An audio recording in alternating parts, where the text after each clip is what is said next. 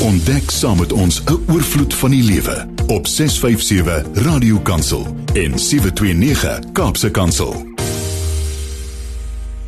Dit is 11 minute oor 9. Dit is tyd vir met hart en siel en ek is Christine Ferreira en ons gaan saamkuier tot 11:00 hier op Radio Kansel 657 AM en natuurlik Kaapse Kansel 729 AM. Nou vandag gesels ek met Piet Portal van die Tree of Life Kerk in Mannenburg en hy gaan gesels oor 'n boek wat hy gepubliseer het, How to be unsuccessful en die ander so bietjie in hakies en wat dit in God se koninkryk beteken om suksesvol te wees. Ons leef in 'n wêreld wat sukses najag en dit so hoog op prys stel. En dan gaan Michelle Kutse in die ateljee kom kuier en sy gaan meer vertel oor 'n projek vir vroue, die Tamar projek. Dit is vir vroue wat aan geweld blootgestel is en slagoffers van geslagsgebaseerde geweld is.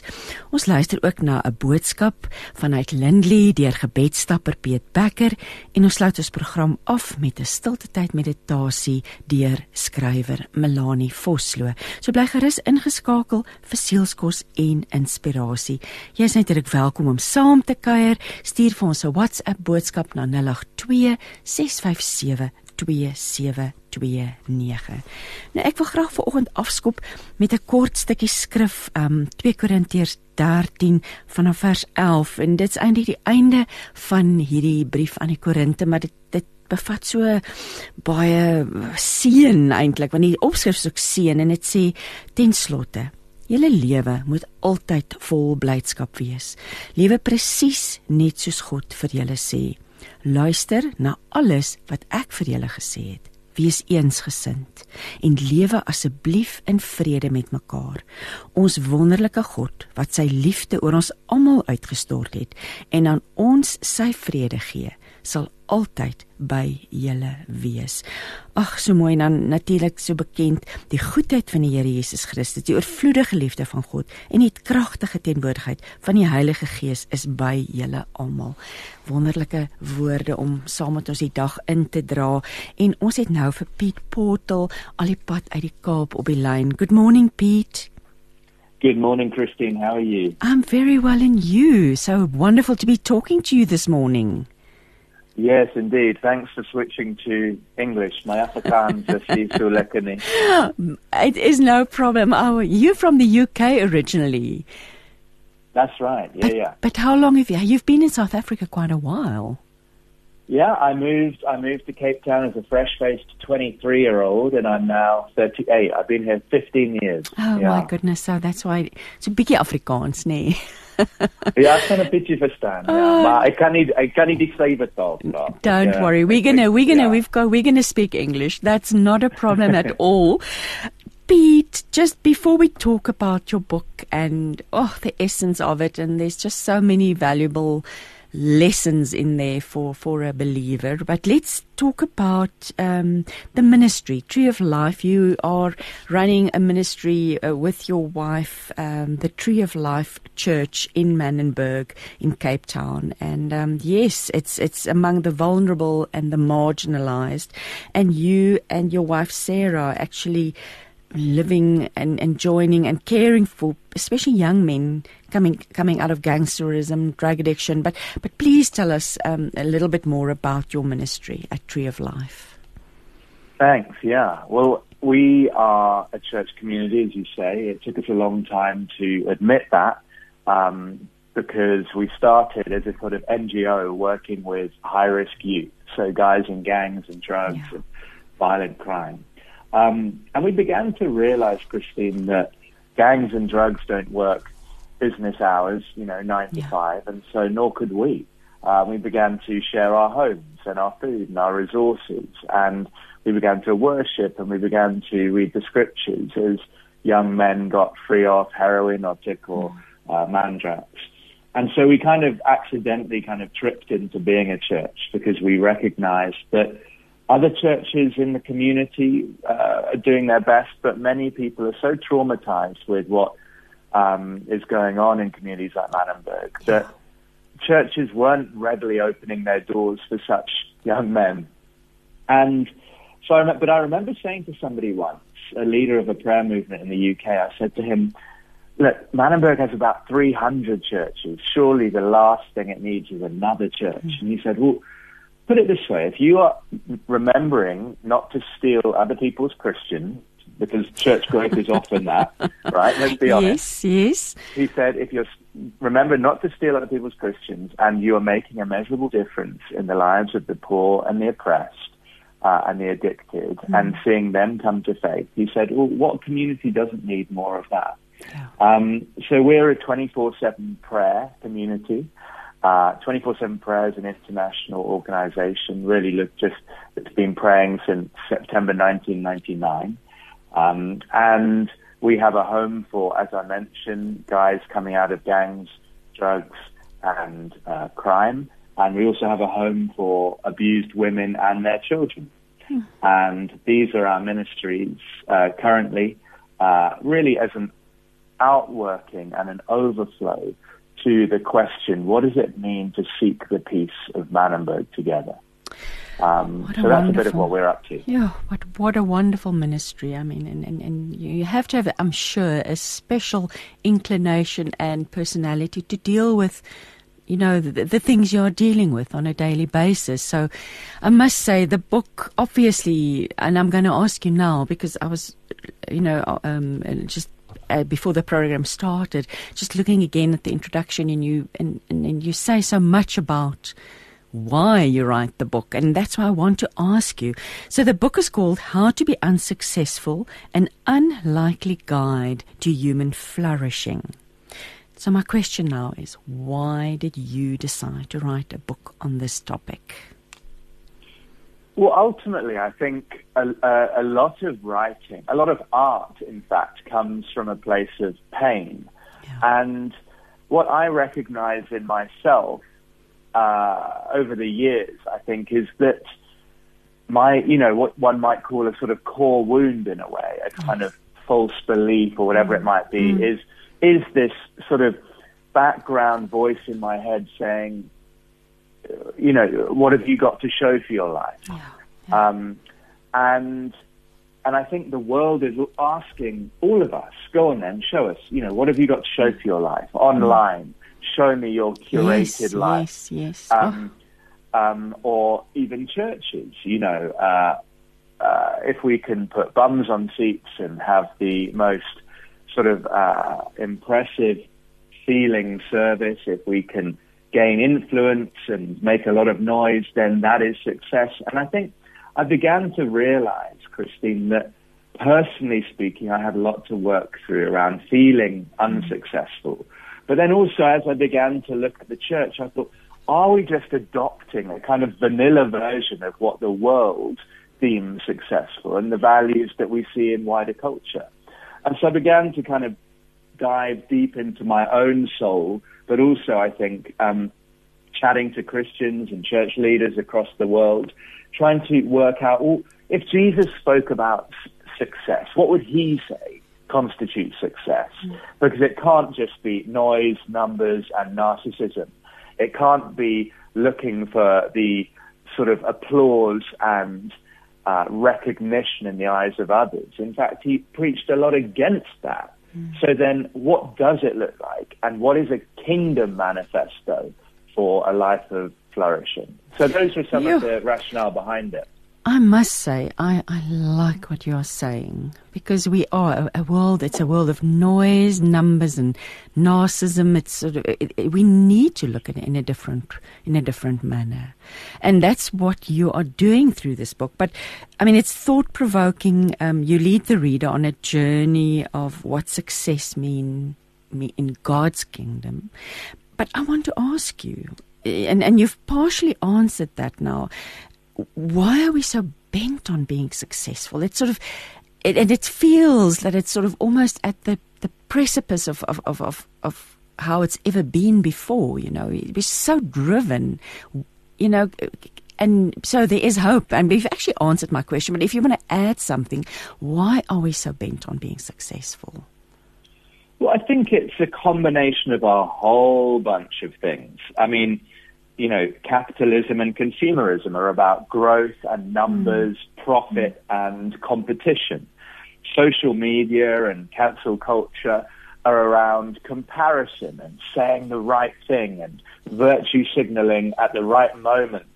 Um, we have polarized ideologies uh, where you know you're either this or you're that, and if you step out of line, then you get cancelled and trolled. Um, yeah.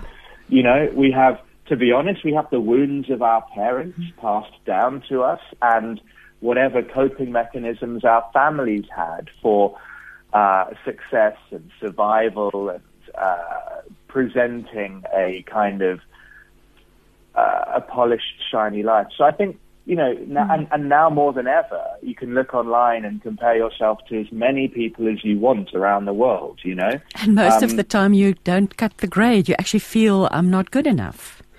Exactly. So that brings up hidden feelings that we kind of have tried to bury, uh, um, and then it leads to a feeling of unfulfillment. And so we kind of go round in a cycle of comparison. You know, I, I, I mean, to be honest, I scroll through social media like anyone else, you know, and I recognize it's not the healthiest of habits. But you can scroll through, Christine, and go, well, I'm, oh, no, I'm not as good as them. Oh, I'm not as good as them. yeah.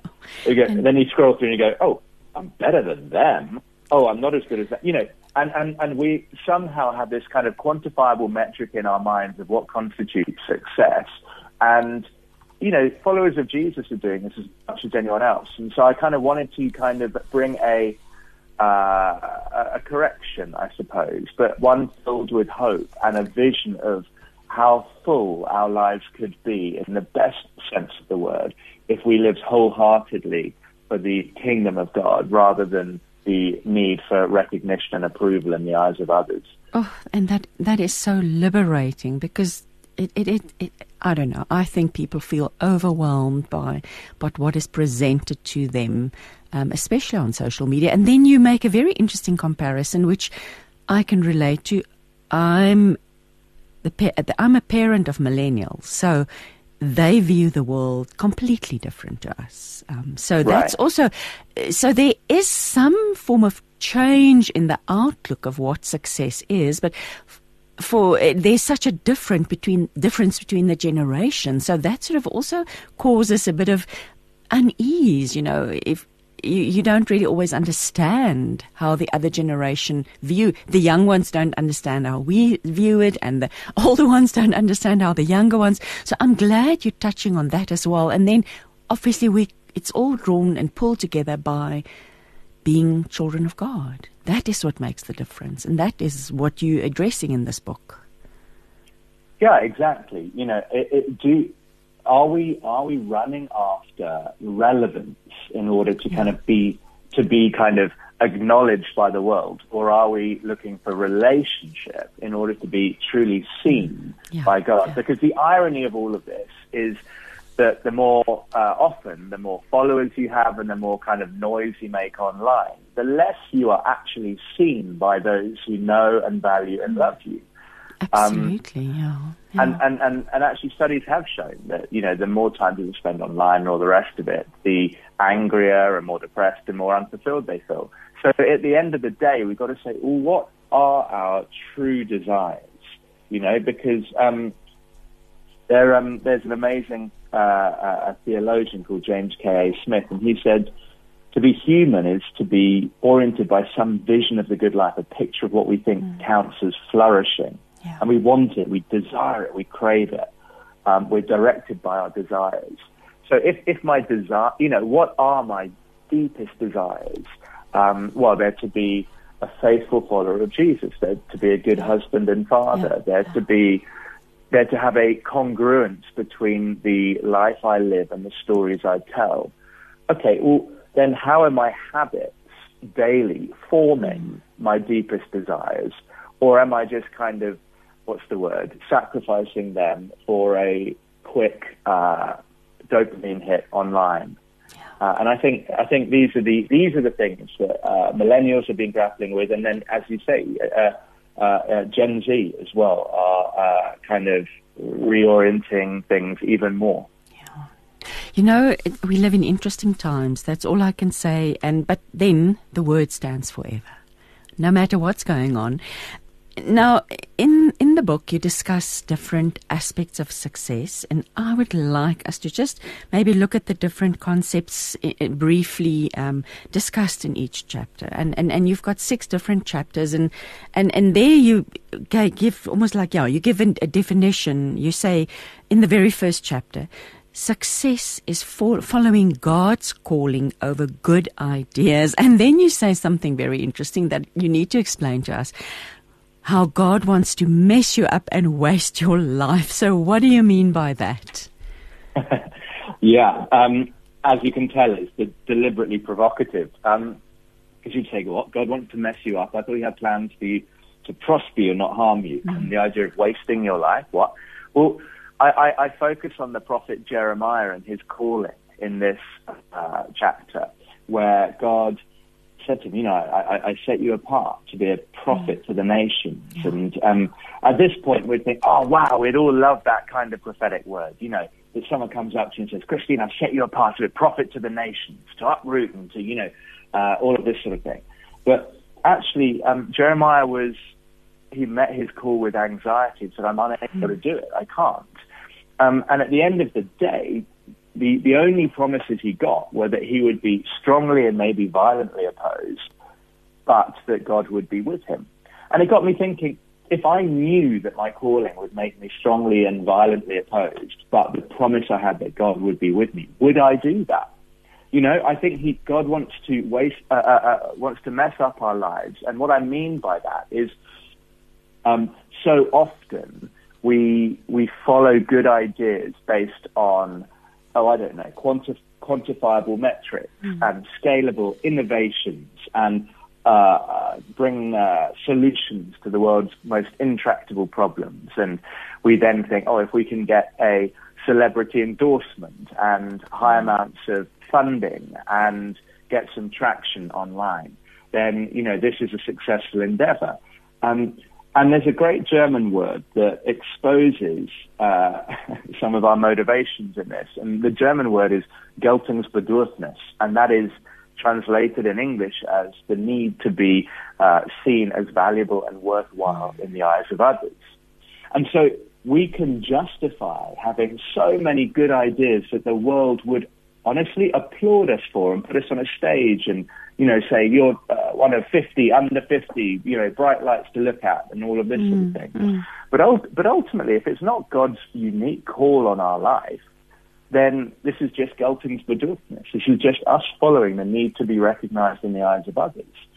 And so, what if things that the world, you know, our training or our education or things that the world champions and applauds us for are actually uh, deviant to what God has got for us? Um, because if you look at Jeremiah, he ended up in prison. He ended up uh, uh, you know, four decades later of prophetic ministry when things were hard. He didn't just move on to the next thing to get more uh, traction and applause. He, he dug it out. And so some could look at him and say, oh, what a waste of your life. You know, look, 40 years later, Jeremiah, things aren't really working, are they? Give it up. But I think we'd all recognize that Jeremiah's faithfulness in face of uh, compromise, rebellion against the word of God is a huge paradigm for us to follow. So that's kind of part of what I mean about God wanting to waste your life and mess you up. Well, an excellent example. I mean, Jeremiah, like you said, at the end, somebody could ask, was it worth it?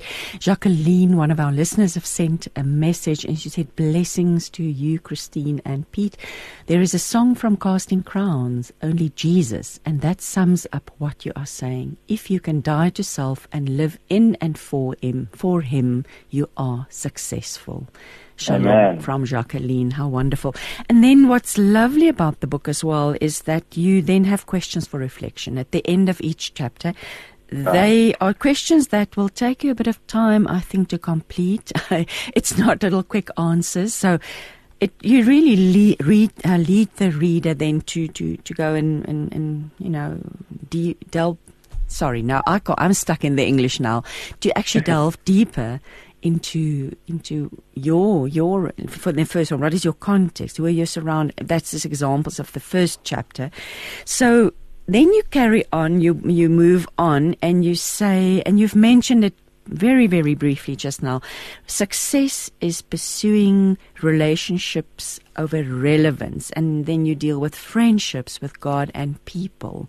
So let's talk a little bit about that. Yeah, I think, um, as I mentioned, you say, uh, uh, uh, touched on, the, the idea of relevance, you know, uh, to be popular and widely followed in today's culture, you have to show that you are relevant. Um, you have to, um, you know, justify your existence through mm. successful endeavors and prove your usefulness to the world. That's the kind of definition of relevance. And um, there's a there's an interesting, you know, um, in the original Star Wars, uh, Princess Leia. Um, she was a character in that. She's played by the American actor Carrie Fisher, and she said that she said celebrities just obscurity biding its time. Hmm. And I thought that was amazing because for everyone, however famous you are, however well known you are, the clock is ticking. The clock of obscurity is ticking. And so, can we get our heads around the idea that whatever we're living uh, life wise and however successful uh, uh, seemingly our business or our uh, ministry is, obscurity is just around the corner. So it would make it would make sense, would it not, to come to terms with the idea of going through life unnoticed or being overlooked.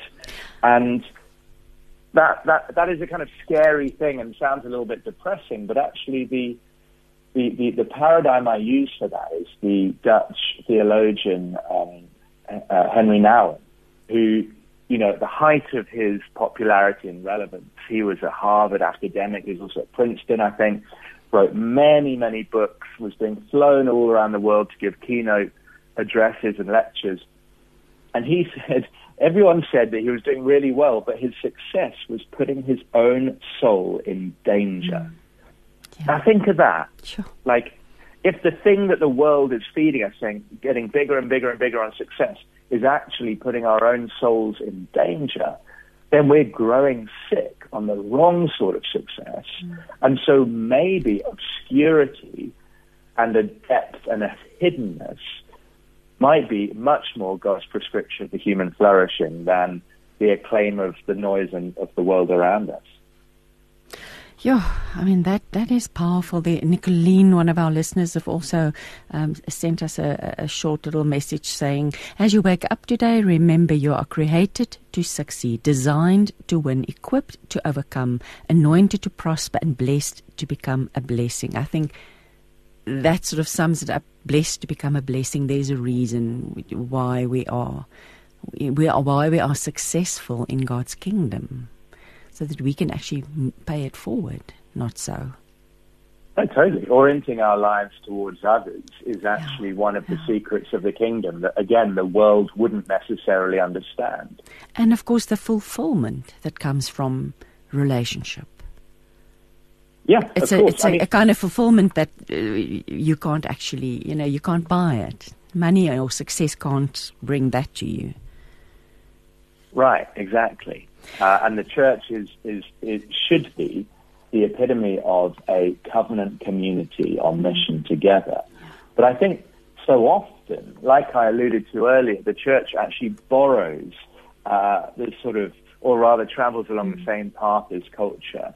And church can end up becoming a kind of McDonald's franchise, and the congregation become consumers.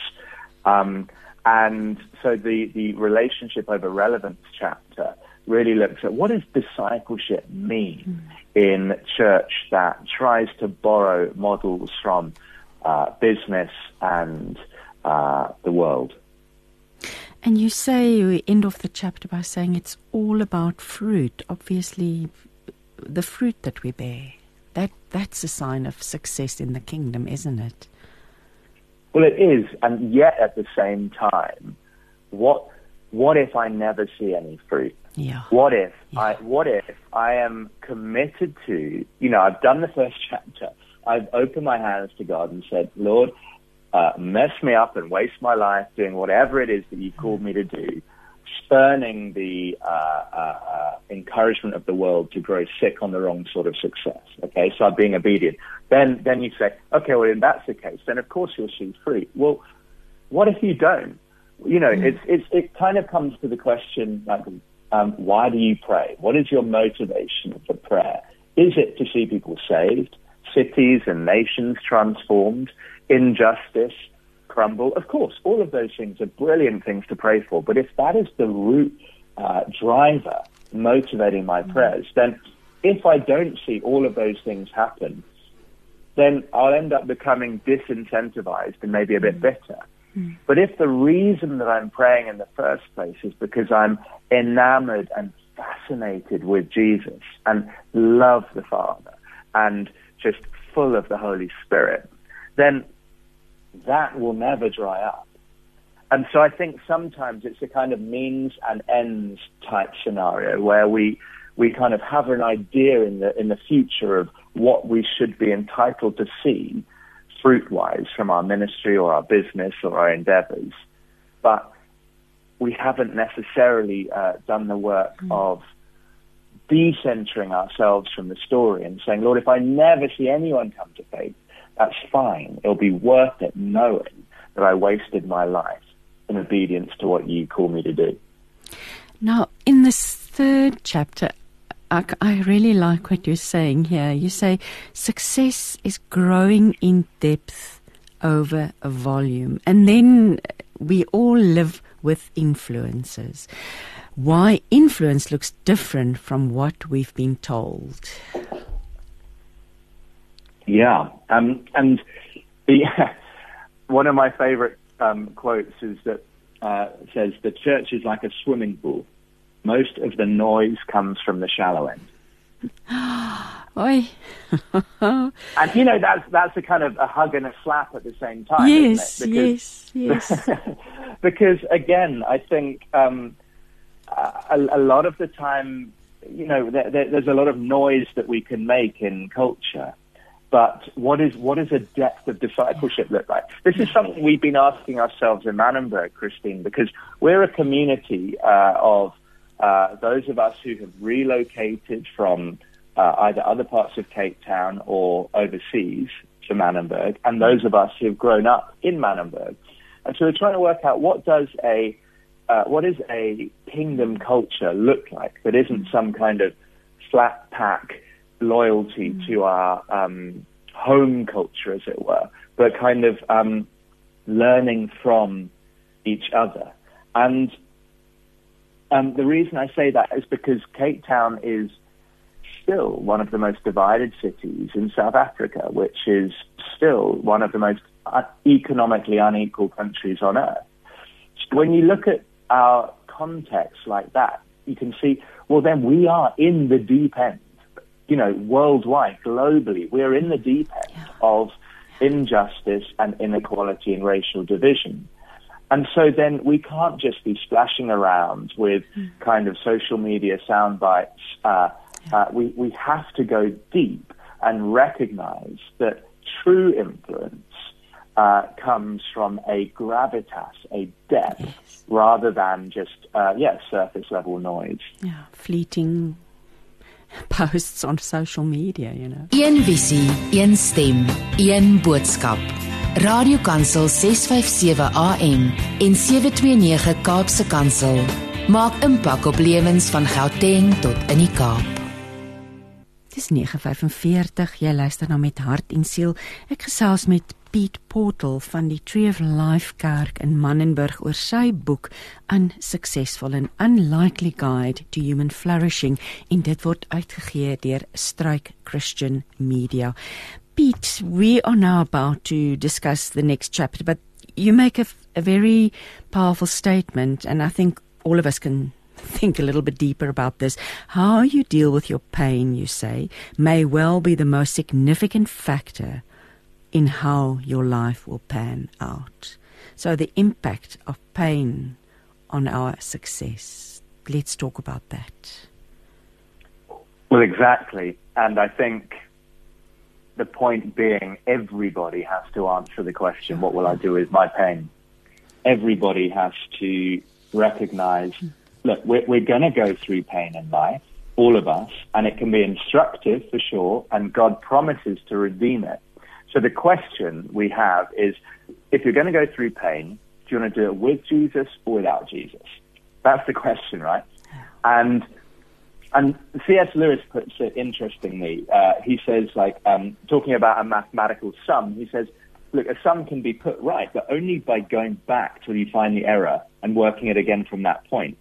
He makes the point you can't, if, if I say 2 plus 2 equals 5, and then I go from there and I keep doing uh, uh, multiplications with that, with that number, my answer at the end will be more wrong than it was at the beginning. You, you, you cannot make it right by carrying on. You have to go back and find where the error is.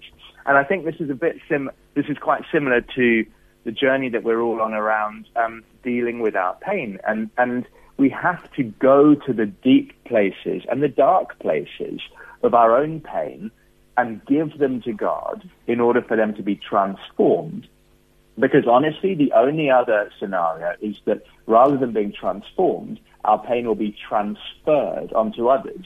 And what I mean by that is your marriage, your colleagues, your children, um, whoever you uh, come across in the world, if we will not allow God into the depths and pain of our heart to transform it, it will simply end up us causing more pain to others. Or as someone once put it, hurt people hurt people. Hmm. You know, the next chapter, and we're sort of literally gliding over this. We don't have the time, so I'm going to also inform listeners a little bit later about your book launch um, if they want to to attend. But the next chapter, you touch on success, and you say success is being a faithful presence in the culture wars, and why the kingdom is inherently political. My goodness, yes. What a what a loaded subject and what a loaded chapter. That's the one that people tend to get the crawls about, you know, because they say, "What? Po- no, politics. You know, this matter is like sure. No, politics is simply the uh, discussion of power and the allocation of resources uh, in society, and so of course, yeah. God must have something to say about that. I think um, that chapter is basically trying to expose this silly dichotomy that has come up in the church around we have the sacred and the secular, mm. we have the heavenly and we have the political. Uh, and that's just that, that that just cannot equip people for a quote successful life of discipleship because we have to um, have answers uh, and at least address the, the, big issues of injustice in the world. Um, and, and the culture wars is simply, you know, we're, we're seeing we're seeing it winding up now as the uh, American elections, uh, you know, the, the primaries and all of that begin, uh, we have to know how to engage with those in the public sphere who probably haven't learned to deal with their pain, to be honest, uh, and then are transferring it all over everyone else online and in person. Yeah. And we have to be able to represent Jesus faithfully in a world that is – frenetically criticizing and mm. uh, calling out, and um, that is growing more and more polarized. Um, and so, yeah, that chapter is really a deep dive into some of the political connotations of what it means to say Jesus is Lord. Let's talk about success is living in power and participation. And then you refer to the suffering and the supernatural. Um, what impact does this have in the life of a believer? Well, again, this is this is the final chapter, and this is kind of like if you were to only read one chapter in the book. Now, don't do that. Read them all because it's it. But you know, uh, um, read this one because in Philippians three ten, Paul says, "I want to know Christ yeah. and the power of His resurrection and the fellowship of sharing in His sufferings." So, what that tells us is that for Paul, the two keys to knowing Christ, really knowing Christ, were resurrection power and participatory suffering. Mm-hmm. Now, the way I conceptualize that in the chapter is that resurrection power, that's the kind of charismatic revivalist wing of the church, right? Signs and wonders and healings and miracles. Brilliant. We want more of that.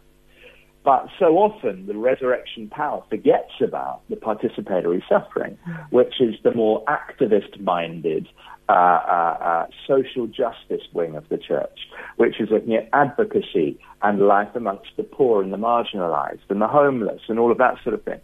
But the first camp tends to forget the poor, and the second camp tends to forget the power of the Holy Spirit. And so the chapter is really trying to say, what if there's a third way? Borrowing Paul's phrase of knowing Christ and bringing these two wings of theology together in a quote successful uh, expression of the kingdom on earth. And you refer to glorious unsuccess and, say, and you say Jesus lived the most fulfilling life any human possibly could, yet it was marked by suffering. Exactly, exactly. He's called the suffering servant in Isaiah. He um, throughout, he, uh, uh you know, he, he the Garden of Gethse- uh, uh, uh, Gethsemane, you know, that that crazy moment of deep trauma where he's sweating blood and actually pleading with the Father if there's anything, any other way. But there wasn't any other way. And so he, he followed God's plan um, and suffered on our behalf. Now, obviously, then, he didn't stay dead. The Spirit raised him from the dead. And that is impossible for humans in and of ourselves. So we need the impossible as well, uh, uh, uh, as well as the things that we can do with our hands. Yeah, I'm looking at the back page and you say find inspiration in Jesus' life and teaching, the perfect antidote to the world's skewed view of success. He is calling you to experience a success that can truly satisfy your soul. And for those of us who grapple with the question, what do I have to show for my life? He has a special message. And you say, choosing to truly follow Jesus might be just the most and then in brackets unsuccessful thing you've ever done in your life. I really want to congratulate you on this book, Pete, and just to, be so brave over the uh, uh, yeah, brave is the word I think to, to write this and put it out there and challenge us to just look at our lives differently. And so, who, what do you want to achieve with this book? What is your dreams for the book? The dream for the book, I mean, uh, it's also worth saying the book's accompanied by a six-part um, video series. So there's a there's an episode per chapter that you can watch with friends in book clubs or home groups, uh, and you can find that just by typing in "how to be unsuccessful" video course online. Um, um, but yeah, the, the what I'd love to achieve, I think, is for us to uh, realign our discipleship to the unsuccessful ways of Jesus mm. in face of a toxic conception of success in the world. Yeah. So ultimately, the, the, the desire is that anyone who reads it is just brought back to a purer, more faithful pursuit of Jesus in this time and in this place. Yeah, Pete, just tell us about the book launch. I'm sure there's a lot of listeners in, in the Cape Town area that would love to attend. Um, it's on the 18th of January. If you could please just give us a little bit more detail, where and at what time? Yeah, absolutely. Yeah, so um, anyone listening, you're most welcome to join us at the book launch. It's at a place called Innovation City. Um, and the best, uh, which is in Clough Street in the centre of town. But the best way of finding all the details out for the book launch are to go on Facebook to Strake Christian Media. Uh, that's the publisher. And um, they've actually pinned the details for the book launch where you can RSVP on Strake Christian Media's Facebook page. Um, because you do need to register to sign up and bring a QR code with you. But um, honestly, just turn up. And we'd love to have you. Um, so Innovation City, Thursday the 18th at 7 p.m. And then, Pete, where can listeners get hold of the book? Well, you can come and get a special book launch uh, uh signed uh, copy on Thursday night. And yeah, if you don't stop me, I might even sign one for you. Um, but uh, Books, both uh, bookshops and Books online, uh, stock them, and also uh, all good book all good bookstores across South Africa. And then, of course, if people want to get to know you better, know more about you, there's a website, um, if I'm correct, www.peteportal.com. Um, is there any other way that people can get hold of you, or can they contact you via the website? There's a contact page on the website. There's also more information about my first book, which tells the story of moving into Manenberg, uh, as well as a whole bunch of other resources, talks, interviews, and podcasts that people can uh, go through. Pete, I just want to say thank you so much for your time this morning. I thoroughly enjoyed speaking to you, and um, I just wish you all all the success. Listen to me now. all the world's success with this book, um, that you can reach so many people and change their lives, and with this, what you call an unlikely guide to human flourishing. So, thank you so much again Thanks for so this much morning. for having me, Christine. Great all, to chat. all the best. Jy's by 657 Radio Kansel en 729 Kaapse Kansel. Die radio met die waarheid in sy stem.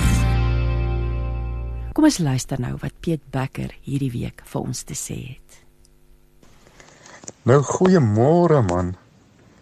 Uh ek wil vandag met jou praat oor legkaart stukkies van 'n hemelse prent. Nou as jy 'n gewone legkaart bou, dan het jy op die boks 'n prent en jy weet wat jy moet soek en wat jy moet bou. Maar die legkaart van die lewe se stukkies moet jy sonder 'n boks met 'n prent moet jy bou biddend en soekend. Maar kom ek bemoedig jou, want as jy die stukkies kry en jy sien hoe hulle in mekaar inpas. So ek gaan nou net 'n klein getuienis gee van wat in die laaste week met my gebeur het waar ek legkaartstukkies gekry het wat my die mooiste prent laat sien van hoe die lewe saam met God is. En mag jy dit ook ervaar. So, ek was vir die laaste week hier in Bethlehem in die Vrystaat. Nou ons het laas maand baie van Bethlehem gehoor. En hierdie hierdie maand hier in Januarie, ehm um, moes my vrou ingaan vir 'n operasie en ek het besluit ek gaan nie elke dag hospitaal toe ry nie. Ek gaan stap. En wanneer ek so stap en bid, is dit vir my heerlik om daai kommunikasie met die Vader te hê, 'n twee-rigting gesprek tussen mens en sy Maker. Ja, partykeer is dit vrolik, partykeer is dit ernstig. En in hierdie week was daar tye wat dit stil en baie ernstig was want uh ons moes groot besluite maak oor die operasie en ek wou mooi luister wat die Here in my hart lê um hoe ek my vrou kan bemoedig. So terwyl ek so stap een oggend staan daar 'n motor en soos ek nader kom sien ek hy staan aan die linkerkant van die pad en ek sien daar's um groot tekens op die boot op die motor soos 'n maatskappy motor. Dis 'n sekuriteitsmotor en soos ek nader kom sien ek hierdie groot gevaarlike slang, hulle beeld op die motor. En dis toe nou baie gepas vir 'n sekuriteitsmaatskappy. So ek stap nader en nie deel van die um kenteken nie is daar bo in die venster groot wit letters en daar staan deur die genade van God. Man, sou dit nou toevallig wees dat die slang en God se genade in die pad vir my moes wag terwyl ek loop en bid en aan die ander kant dat die op die dokters besig is om gereed te maak vir die operasie op my vrou. Nee, nooit nie, ek sê jou. Ehm, um, kom ek sê vir jou wat gebeur in die Bybel praat dit van die woestyn. Moses het 'n koperslang gemaak en dit op 'n paal gesit. En as 'n slang iemand byt het, gebyt het en hy kyk na die koperslang, het hy gelewe en nie dood gegaan nie. Dis nou daar in Numeri 21. Maar hoor hoe verklaar Johannes 3 vers 14 en 15 dit. En soos Moses die slang in die woestyn verhoog het, so moet die seun van die mens verhoog word, sodat elkeen wat in hom glo, nie verlore mag gaan nie, maar die ewige lewe kan hê. Die operasie was suksesvol en vroulief is toe 3 dae later uit die hospitaal ontslaan. Man, ek is baie beïndruk hoe dat woorde wat ek in hierdie dae op die paaie gelees het, direk tot my gespreek het. Dit was woorde van hoop en vertroosting. Een van die strate waarin ek gestap het se naam is Preekstoelstraat. Nou kan jy nou meer. Dis die plek waar jy moet hoor wat is die woord van God vir jou. Jy moet sy stem daar hoor. Want dit maak my baie opgewonde. Die vriende by wie ons gebly het of by by wie ons uh by wie ek geslaap het, gebly het en by wie ons nou nog vir 'n rukkie bly, het ons baie bederf en vriende het ons geseën en ja, ons was regtig bederf en die een oggend terwyl ek so hospitaal toe stap, dis daar 'n vragmotor wat verbyry en groot agterop staan die woorde geborg deur Jesus. En ek weet nie daai woorde was vir my vir my uh hierdie tyd hier al die bederf is geborg deur Jesus. Nou so in die stapry het ek ook 'n paar maal dieselfde motor raak gesien waarvan die nommerplaat was PS147 Psalm 147 Dis 'n Psalm wat handel oor God wat die gebroke van hart genees. En dan op ons pad terug huis toe is daar 'n klein winkeltjie met die naam Gift of God Supermarket. Dit herinner my aan Jesaja 55 vers 1 wat handel oor hoe God almal wat dors het uitnooi om na die water te kom en te kom koop en eet. Selfs hulle wie nie geld het nie moet kom koop sonder geld en sonder koste.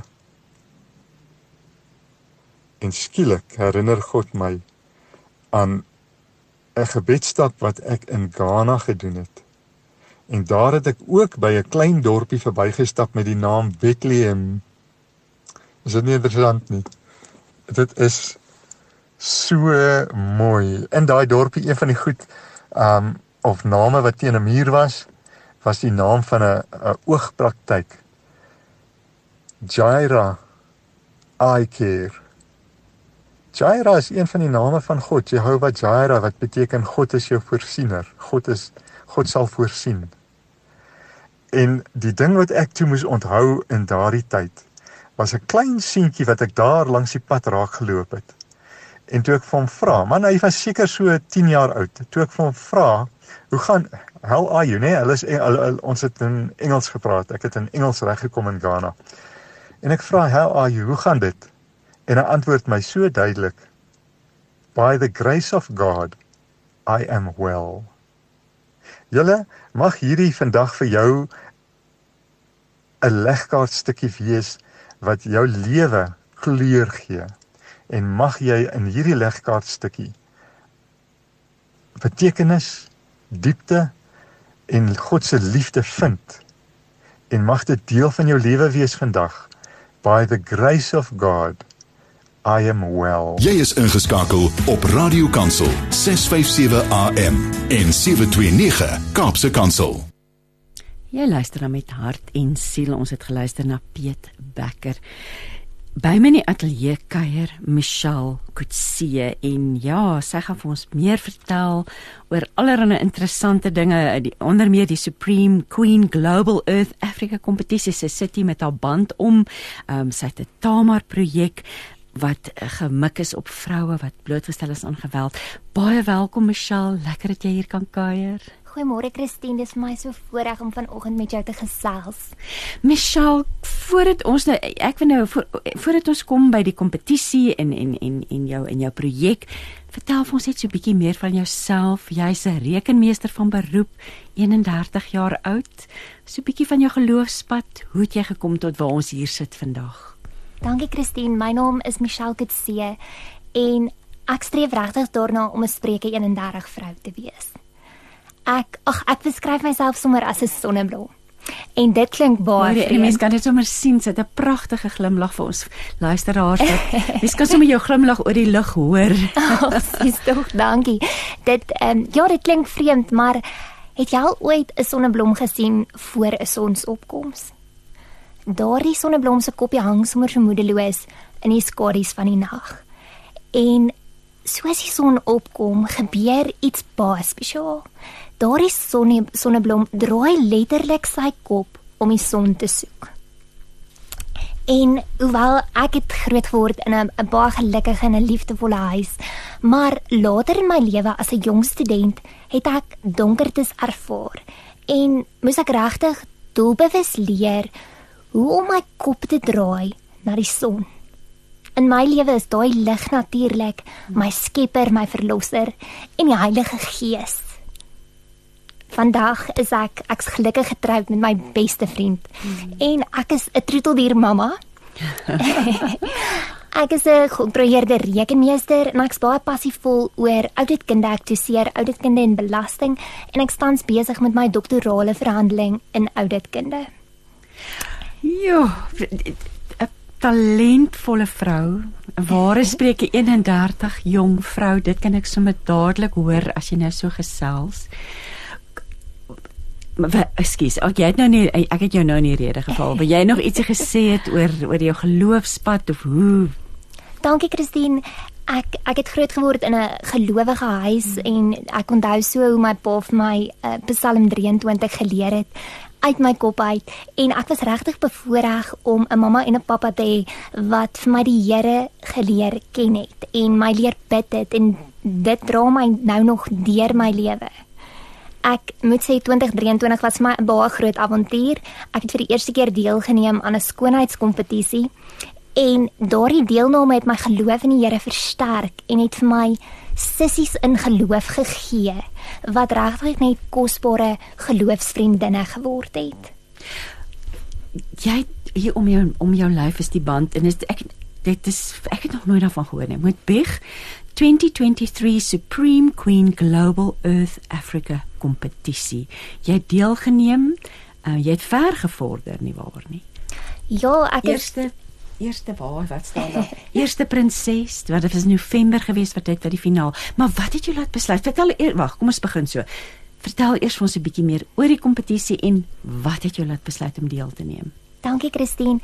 Die platform is regtig dis ek wil nie sê dis 'n skoonheidskompetisie nie. Dis 'n platform vir hmm. leierskap vir vrouens in Afrika om 'n stem te hê om te praat oor pertinente en sensitiewe onderwerpe dit skep absoluut veilige spasies vir vroue in besigheid en in die samelewing reg oor Afrika. Die kompetisie het verskeie aktiwiteite behels, maar die doel was bemagtiging. So daar was aktiwiteite oor fondsinsameling, liefdadigheidswerk, persoonlike ontwikkeling. Regtig, ek beveel dit aan vir enige vrou. Inskrywings vir 2024 is nou oop. En hoe werk dit? Het, hoe het jy daarvan te hore gekom?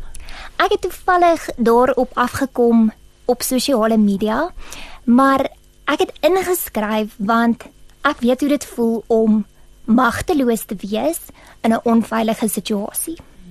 En hier het ek 'n platform ontdek wat veilige spasies vir vrouens skep so dit die Here dadelik in jou hart gepraat en jy het geweet dis dis 'n plek waar jy 'n verskil verskil kan gaan maak nê Absoluut, nee. absoluut. Ek het dadelik besef dat dis my roeping om nadat ek self 'n slagoffer was van geslagsgebaseerde geweld op universiteit en ek so 'n nood gehad het vir 'n veilige hawe, het dit jare se genesing en terapie gevat om uiteindelik my eie veilige hawe te word, gevestig en geanker in geloof. En dit het dit is my roeping gewees om hierdie veilige hawe vir ander vrouens te kan wees binne hierdie platform en binne hierdie kompetisie. So het, is daar dan mense wat van reg oor die wêreld wat inskryf, kom julle bymekaar om om dan uh, uh, soos weet finaliste te word, aktiwiteite saam te doen. Hoe werk hoe werk die proses? Ja, dames reg oor Afrika kan inskryf. Dit is 'n absolute fantastiese viering van die Afrika vrou. En jy begin deur 'n foto in te stuur met 'n se klein geskrewe um, inskrywing, jy betaal 'n inskrywingsfooi, jy word gekies as 'n semifinalis en dan word jy blootgestel aan ongelooflike geleenthede soos semifinaliste werkswinkels waar die ongelooflikste vrouens van God jou inspireer en jou bemagtig met vaardighede waarin jy nie blootgestel sou word binne jou gewone loop van die lewe nie. Dis hier waar jy vriendinne maak en uh, selfs jou netwerk vir besigheid uitbou. Daar was onder meer 'n uh, 'n tee waar ons 'n modeparade gehad het en ek het vir die eerste keer selfs geleer om op 'n loopplank te loop want mens moet leer hoe om dit te doen. En jy hoef dis getroud en ongetroude vrouens. Ja, absoluut. Hierdie eh, kompetisie is fantasties. Daar's geen voorskrifte in terme van huwelikstatus, gewig, lengte, enige voorskrifte wat stereotypies is aan skoonheid nie. Maar die doel is dan om moeilike sake aan te spreek en ek dink joh ek ek wil graag hê ons 'n bietjie daaroor gesels want jy het toe besluit op die Tamar projek. So moet jy van die begin af al sê waaroor jou wat jou wat jou einddoel is as sou jy ver vorder in die kompetisie of hoe dit gewerk dat jy die Tamar projek geloods het. So die Tamar projek kom eintlik al so rukkie van voor die kompetisie af wat ek hierdie roeping gevoel het om 'n verskil te maak. Wanneer mens genees is, is dit regtig jou verantwoordelikheid om daai genesing met mense te deel en om net 'n hart vir mense te hê en waardigheid te herstel aan slagoffers van geslagsgebaseerde geweld. Die Tamar projek beoog regtig om veilige spasies vir slagoffers van geslagsgebaseerde geweld te skep. Deur hulpbronne, mentorskap, ondersteuningsnetwerke en selfs uh, opleiding en onderrig wat ons fokus is in 2024. So jy werk nie alleen aan hierdie projek nie. Jy dit klink of jy mense het eh, vrywilligers wat saam met jou werk? Absoluut. Ons is afhanklik van skenkings, donasies en dan befonds ek hierdie projek ook self deur webinare te verkoop oor onderwerpe soos finansies en belasting. Wat jy natuurlik vreeslik baie van weet. Gelukkig en en so want dit, kan ek want weet jy dit is seker een van die dinge want statistieke. Ons weet ons land is in 'n regtig in 'n swak posisie in terme van dit. Ons ons ons ons daar daar's geweldig baie geslagsgebaseerde geweld. En ek neem aan een van die dinge is dat vrouens bly in die situasie omdat hulle nie finansiëel na hulle self kan omsien nie. Of is ek absoluut. interpreteer ek dit nou verkeerd? Nee, jy is 100% reg, Christine. Dit is so belangrik om 'n vrou te bemagtig deur byvoorbeeld haar aan werk werkskeping bloot te stel of haar toe te rus met vaardighede sodat sy veilig voel om 'n onveilige situasie te verlaat. Dit is absoluut om 'n omgewing te skep waarin vrouens bemagtig voel om lewensveranderende besluite te kan neem. So, het julle dan 'n webwerf? Hoe maak mense met julle kontak? As iemand nou luister en dink, "Ag, ek het hulp nodig. Ek het nog nooit gepraat nie." Want dit klink vir my mm, soos jy gesê het, nadat jy self genees is, het jy was jy bereid om en jy gevoel jy was geroep om mense te help, maar dit gaan ook oor gesprek. Net daai eerste gesprek.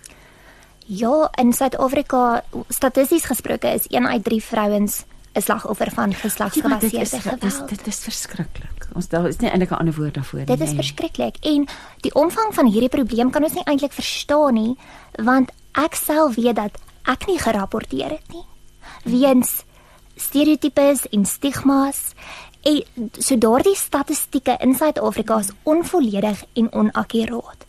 En daarom is dit so belangrik dat die Tamar projek regtig 'n veilige hawe skep vir vrouens waar daar geen oordeel is nie, maar waar jy leiding ontvang sodat jy 'n ingeligte besluit kan neem omtrent rapportering.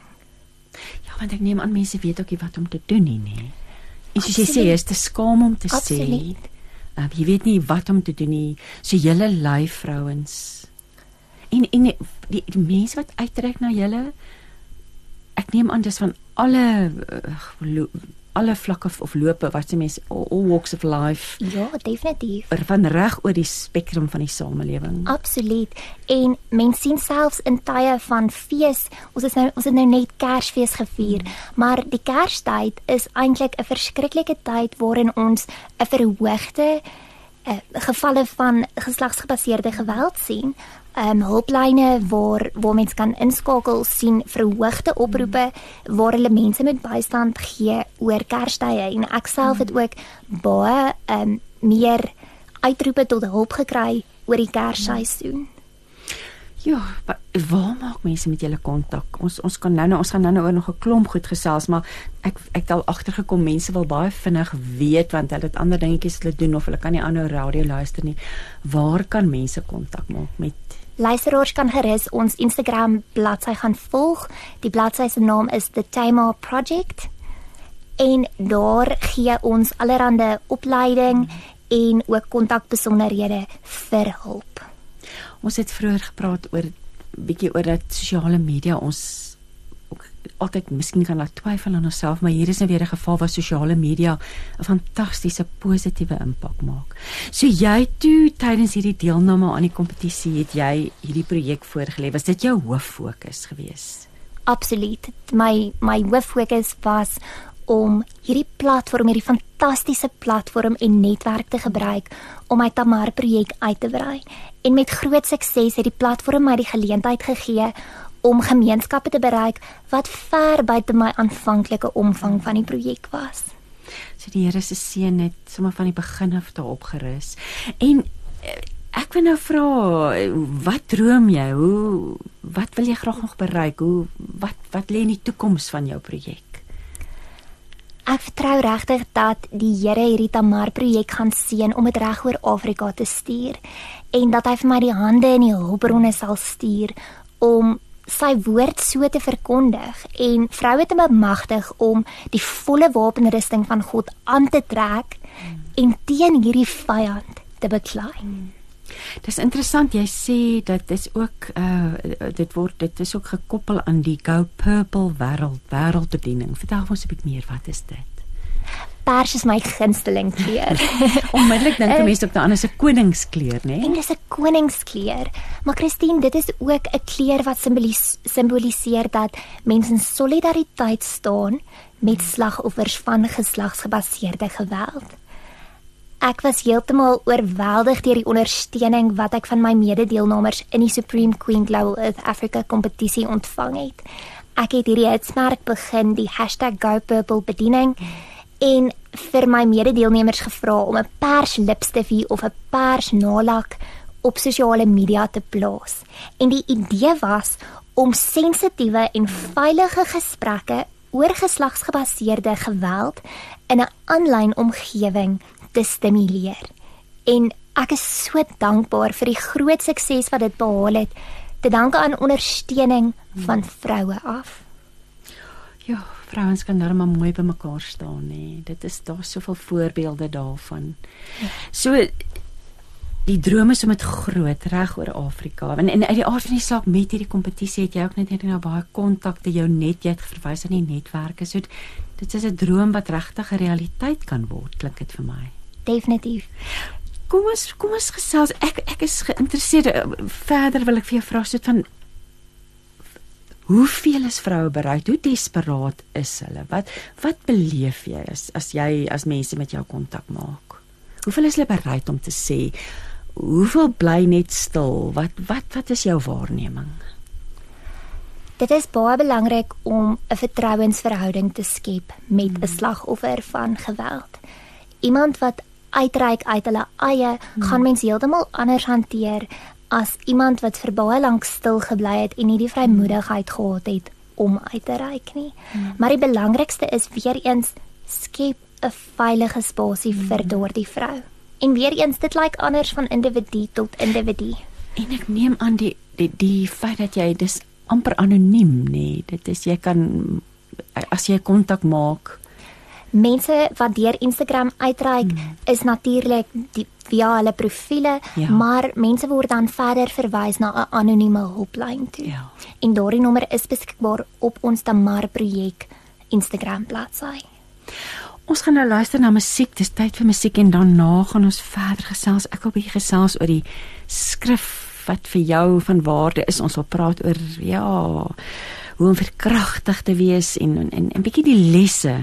Klink vir my daar's heelwat lesse wat jy geleer het dat jy kan deel met ons. Kry jou daaglikse brood, maar ook jou geloof in praktyk. Dis 657 AM. Die klanke van die lewe. Jy luister na met hart en siel. Ek is Christine Ferreira by my in die ateljee kuier Michelle Kutse. Die horlosie sê dis 10:30. Michelle gesels met ons oor haar Tamar projek. Um, sy is ook 'n uh, eerste prinses in die 2023 Supreme Queen Global Earth Africa kompetisie wat vir haar die geleentheid en die platform gegee het om hierdie projek, hierdie bediening wil ek dit amper noem, Michelle, ehm um, dit te kan doen. Kom ons praat oor die naam. Wat het jou laat besluit om juis hierdie Bybelse storie, hierdie Bybelse verhaal te gebruik as as die die naam van jou projek? Christine, geslagsgebaseerde geweld dateer terug na Genesis in die Bybel. En ek dink dit is kardinaal dat predikers en Christene die vrymoedigheid neem om binne geloofskringe te gesels oor die lewensverhale van vroue soos Batseba, Dina hmm. en Tamar wat self geslagsgebaseerde geweld ervaar het. Hmm deur 'n naam aan hierdie projekte kon te koppel soos Tamar gee ons waardigheid aan haar verhaal. Die traumatiese ervaring wat sy beleef het met haar swaar en en die geweld en die magteloosheid magteloosheid wat sy gevoel het, verwoord ons en vereer ons deur die naam van hierdie projek. En natuurlik wonderlik onmiddellik as 'n mens 'n gelowige is en jy ken die woord, weet jy dadelik maar hierdie organisasie funksioneer vanuit Bybelse perspektief wat ook belangrik is, nê? Nee.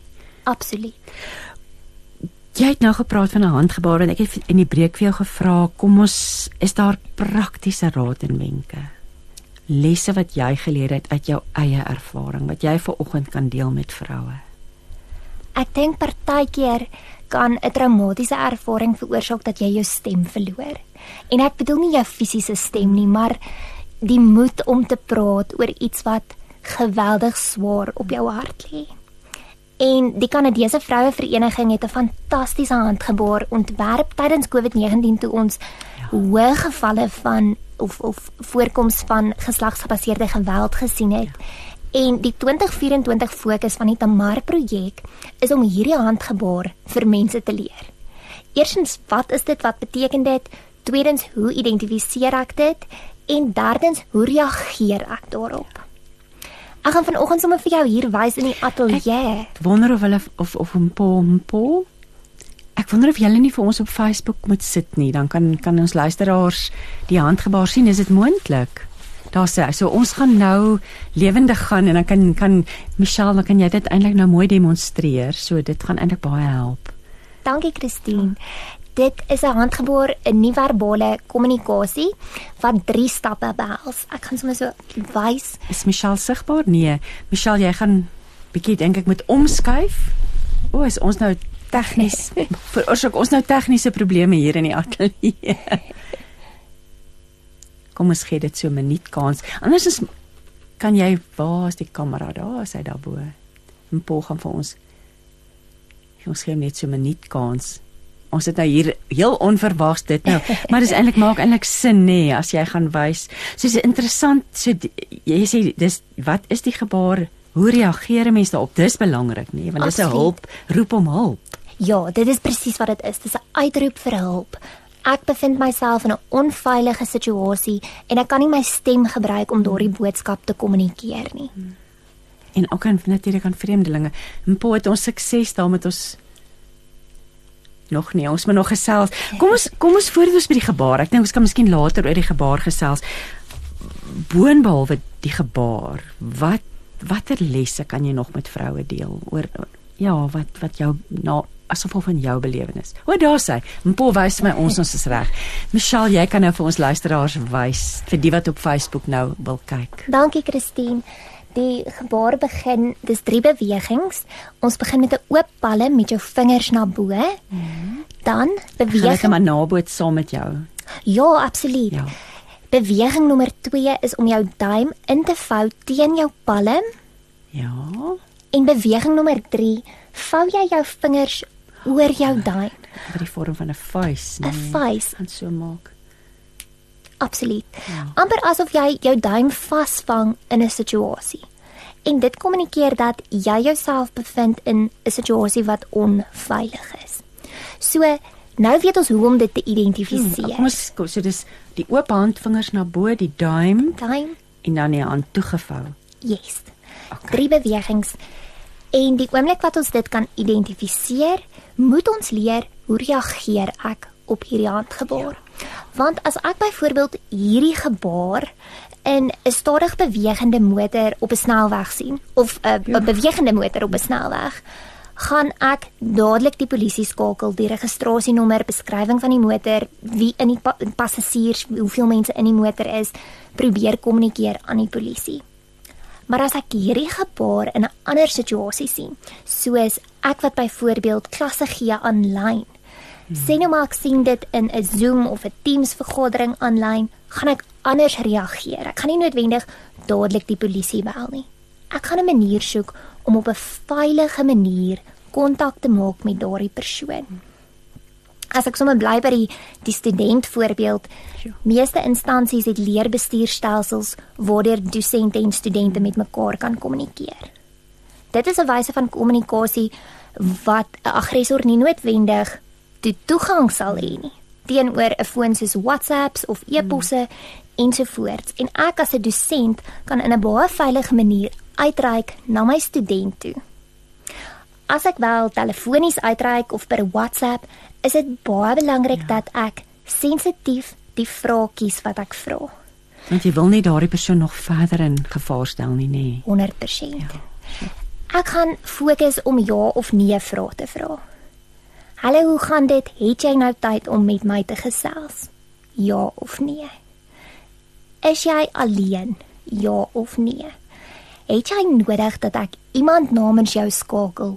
Ja of nee? Het jy nodig dat ek die polisie namens jou skakel? Ja of nee? Het jy nodig dat ek 'n familielid of 'n vriend namens jou skakel? Ja of nee? En hierdie is die tipe riglyne waarop die Tamar projek in 2024 fokus. Ons fokus op opleiding en en onderrig omtrent hoe hanteer ek hierdie situasies. Ja, en dit is uiters belangrik, nê, en dat ons almal net bewus is daarvan dat ja dat iemand na jou toe kan uitreik bloot deur 'n handgebaar. Ek neem aan daar was 'n groot sukses daarmee gewees in Kanada of vandat dit bekend gestel is, nê? Ja, en hierdie gebaar word wêreldwyd herken en wêreldwyd kan jy opleiding doen om 'n responder te word, iemand wat reageer op hierdie gebaar. Ons sien op Instagram en Facebook sosiale media video's waar dames of kinders hierdie gebaar in publieke areas wys en ontsnap en in 'n veilige situasie hulle self bevind nadat hulle in so traumatiese omstandighede vasgevang is. Ja, dit is bitter belangrik weer eens net die bewussyn as jy in 'n winkelsentrum loop en iemand maak wys hierdie gebaar en jy weet nie wat dit beteken nie. Ja. Gaan gaan dit geen verskil maak nie. So dis eintlik ja. wonderlik dat ons al hoe meer en meer mense bewus daarvan maak. Ja, absoluut. So lesse wat jy geleer het want ek wil gesels 'n bietjie oor veerkragtigheid, oor hoop, oor hoe herstel 'n mens. Jy weet van so iets wat met jou gebeur het. Ek dink die groot boodskap wat ek vandag vir elke vrou wil gee is jy is waardig. En ja, dit is dit en weet jy wat dit is want dit is dadelik wat met so 'n vrou wat daarin blootgestel is gebeur. So, so daar's die Engelse woord shame. Daar's ja, shame en jy ja. dink nie jy is waardig nie. Ja, ek self het ehm um, brutale victim shaming ervaar. En selfs as 'n trauma respons het ek byvoorbeeld fisiologiese veranderinge hmm. ondergaan. So wanneer jy baie gewig optel as 'n trauma respons, voel jy iewes skielik nie meer mooi nie en jy voel nie meer waardig nie. Jy voel onwelkom in jou eie lyf. En my boodskap vanoggend is dat daar is hulp en jy kan jou eie veilige hawe word. En na genesing is daar hoop en getuienis hmm. en dan kan jy 'n veilige hawe vir vrouens word. Ja want slegs deur te praat, deur te sê, maar soos jy sê, dis nie altyd moontlik nie, nê. Wat wat is die suks weet het julle inligting oor wat is die sukses rondom vrouens wat wel sulke situasies ontsnap? Is of bly baie mense maar net daar waar hulle is?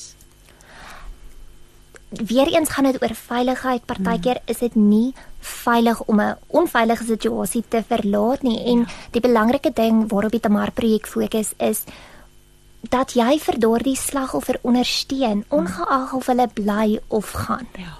Ja. En nie oordeel nie. En nie oordeel nie. Want jy kan so groot verskil maak ongeag of daardie persoon kan sien om hmm. te verlaat of te bly.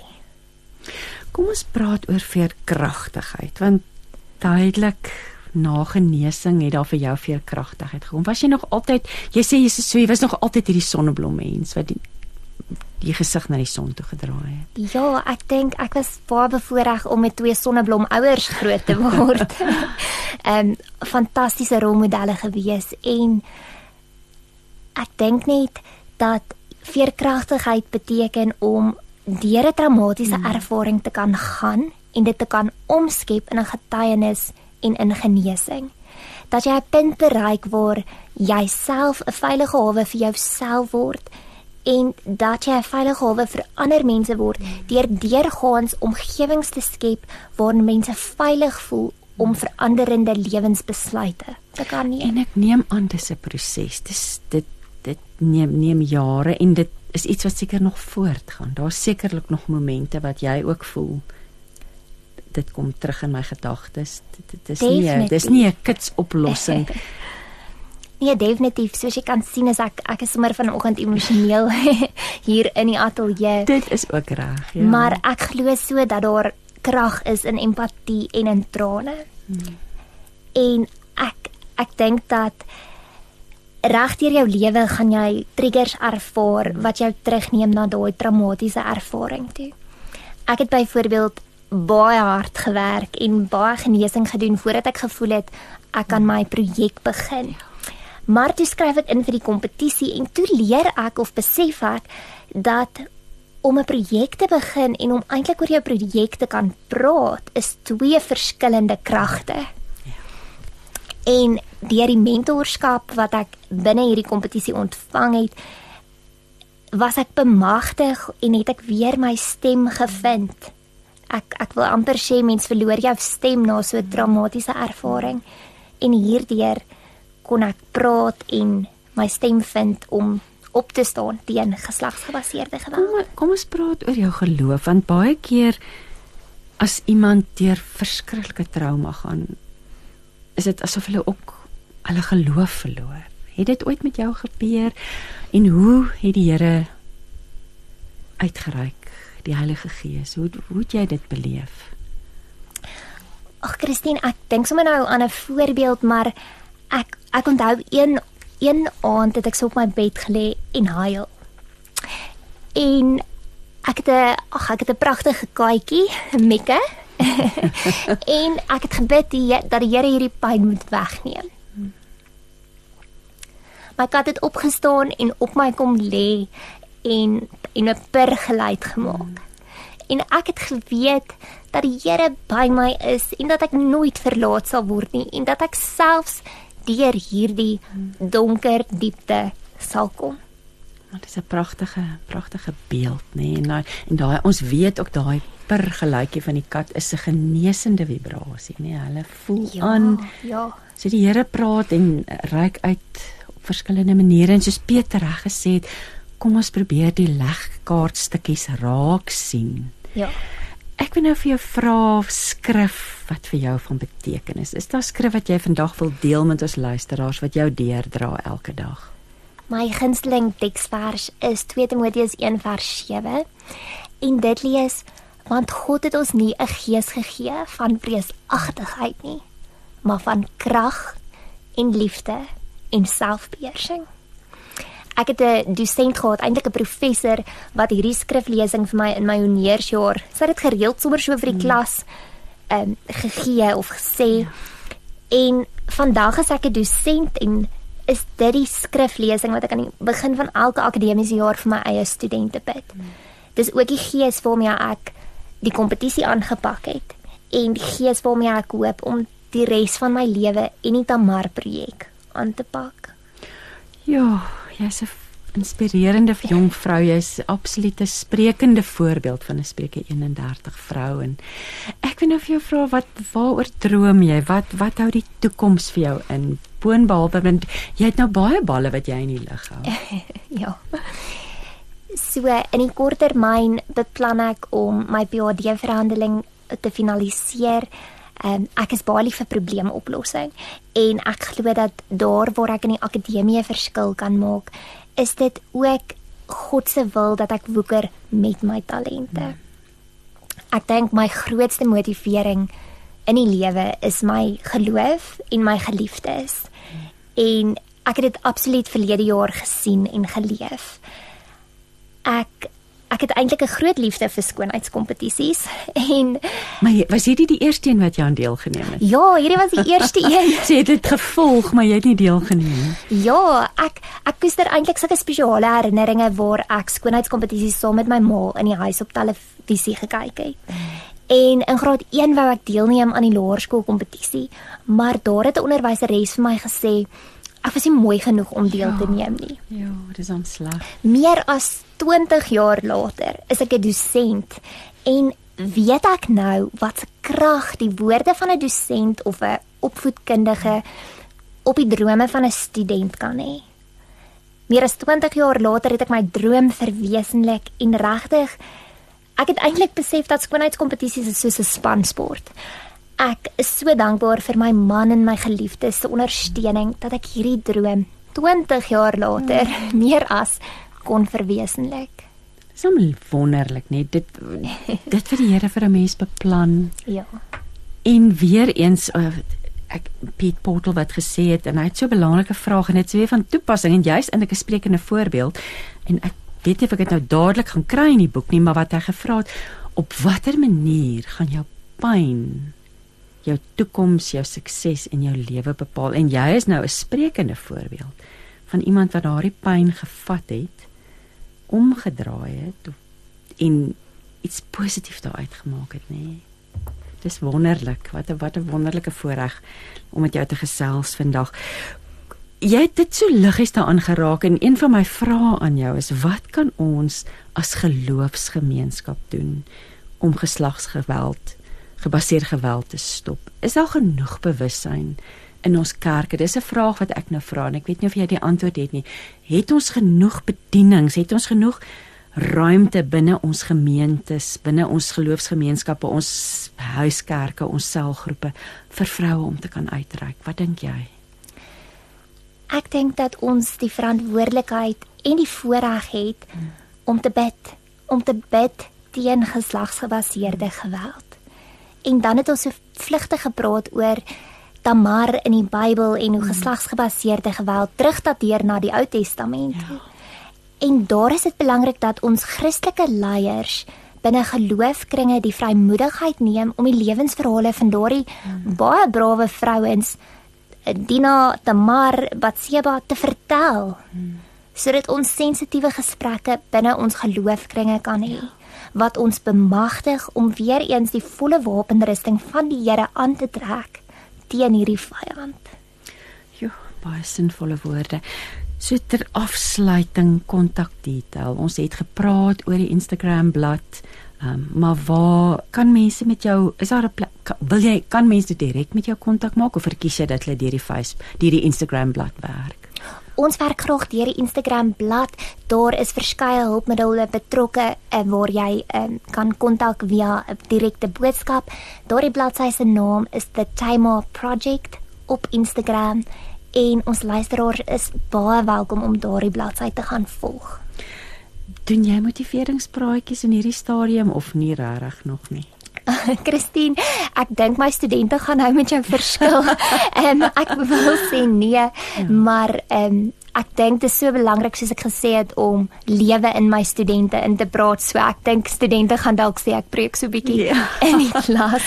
so ek wil net herhaal as as jy graag wil uitreik as jy vandag luister en jy's in 'n situasie waar waar jy onveilig voel of waar jy 'n slagoffer van geslagsgebaseerde geweld is, kan jy uitreik via Instagram the Tamar Project. Ehm um, um, Michelle nooi jou uit om om deel te word. Michelle baie baie dankie. Ons bid die Here se seën oor jou werk. Mag dit regtig van krag tot krag gaan en vrouens se lewe reg oor die reg oor die kontinent lyk like vir my is die droom vir nou verander. So baie dankie dat jy kom kuier in die ateljee. Baie dankie Christine. Ons het weer aan die einde gekom van nog 'n heerlike Dinsdagoggend in jou geselskap en ja, dis tyd dit het tyd geword om te groet.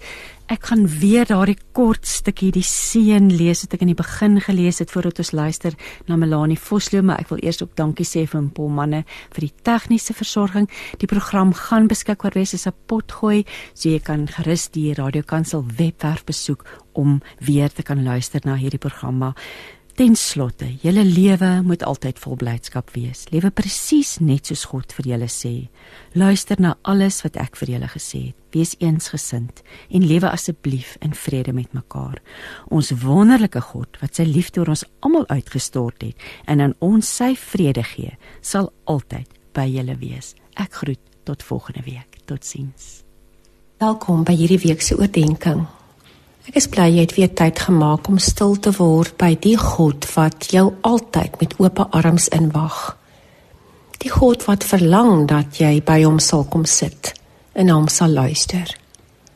Ja, raak ook nou weer diep bewus van sy teenwoordigheid, sy liefde daar om en in jou. 'n Groot vloed tref 'n gemeenskap. Baie vinnig styg die water so hoog dat almal moet ontruim. Na nog twee dae se onophoudelike reën was die meeste huise al halfpad onder die water en almal het ontruim behalwe een man. Hy bly agter op sy huis se dak. Want sê hy, God het nie vir my gesê dat ek moet ontruim nie. Hy het vir my gesê ek moet net hier sit. Hy sal my kom help. Terwyl hy nog op die dak sit, kom noodredders weer daaraan met 'n rooi bootjie en vra hom om asseblief af te klim sodat hulle hom kan red. Waarop hy antwoord: "Nee, julle verstaan nie. Ek het tot God gebid. Hy sal my kom red." Die water styg hoër en kort daarna kom 'n motorboot daaraan. Die reddingswerkers skree: "Meneer, jy het nie meer lank nie. Kom nou dat ons jou help." Weer sê hy: "Nee, julle kan maar gaan." God gaan my kom red. Toe die watervlak net onder die dak begin styg, kom daar 'n helikopter wat 'n tou afgooi om hom te help. Waarop hy weer weier met die woorde dat God hom sal red. Die water styg nog en die man verdrink. By die hemel aangekom, vra hy vir God: "Here, U het vir my gesê U sal my beskerm en my kom red. Waarom moet U my nou laat sterf?" Waarop God antwoord: Ek het vir jou 'n roeiboot, 'n motorboot en 'n helikopter gestuur. Maar jy wou my nie hoor of sien nie. Het jy ook al mense hoor sê God het vir my gesê en dan gedink hoe op aarde hoor ander God se stem? Jy kon dalk nog nooit werklik met oortuiging sê dat God met jou gepraat het nie is jy dan nie op die regte geloofsgolflengte met God nie?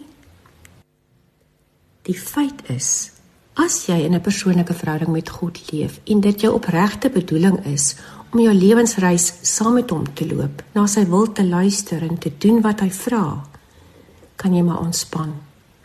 Want God se stem kom op baie verskillende maniere na sy opregte kinders. Ja, ook na jou. Soms praat God vir ons deur die skrif. Ons lees die woord en weet dan net. Hierdie is vandag vir my bedoel. Baie kere praat God met ons deur ander mense en kry ons 'n boodskap of 'n antwoord op vrae wat net vir daardie dag bedoel is. Heeltemal kom God se stem na ons toe met 'n sagte fluistering in ons hart. 'n Gewaarwording dat hy jou saggies lei 'n diep wete dat dit hy is wat vir jou sê neem hierdie pad kom hier langs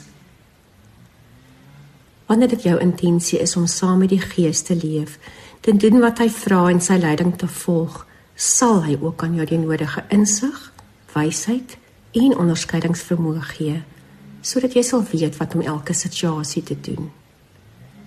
Ja weet vandag God praat met elke kind van hom op sy unieke en besondere manier. Ook met jou. Al wat ek en jy hoef te doen is om ons gedagtes, ons emosies, ons hele lewe op hom te rig. Dan sal ons beleef hoe God aan ons harte raak op die regte tyd en die regte manier, soms onverklaarbaar, sodat hy vir ons kan lei, kan help kan red. Kom ons bid saam. Here, ek dink nie, ek hoor U altyd nie. Ja, soms help U my, lei U my en dan kyk ek ander pad, volg ek my eie kop, doen ek net wat ek wil. En dan is ek kwaad vir U as ek myself te pletter loop. Here, vergewe my daarvoor en help my om my hart en gedagtes, my hele wese so op U te rig dat ek u sal voel sal beleef sal raak lees raak hoor. Here ja wees in my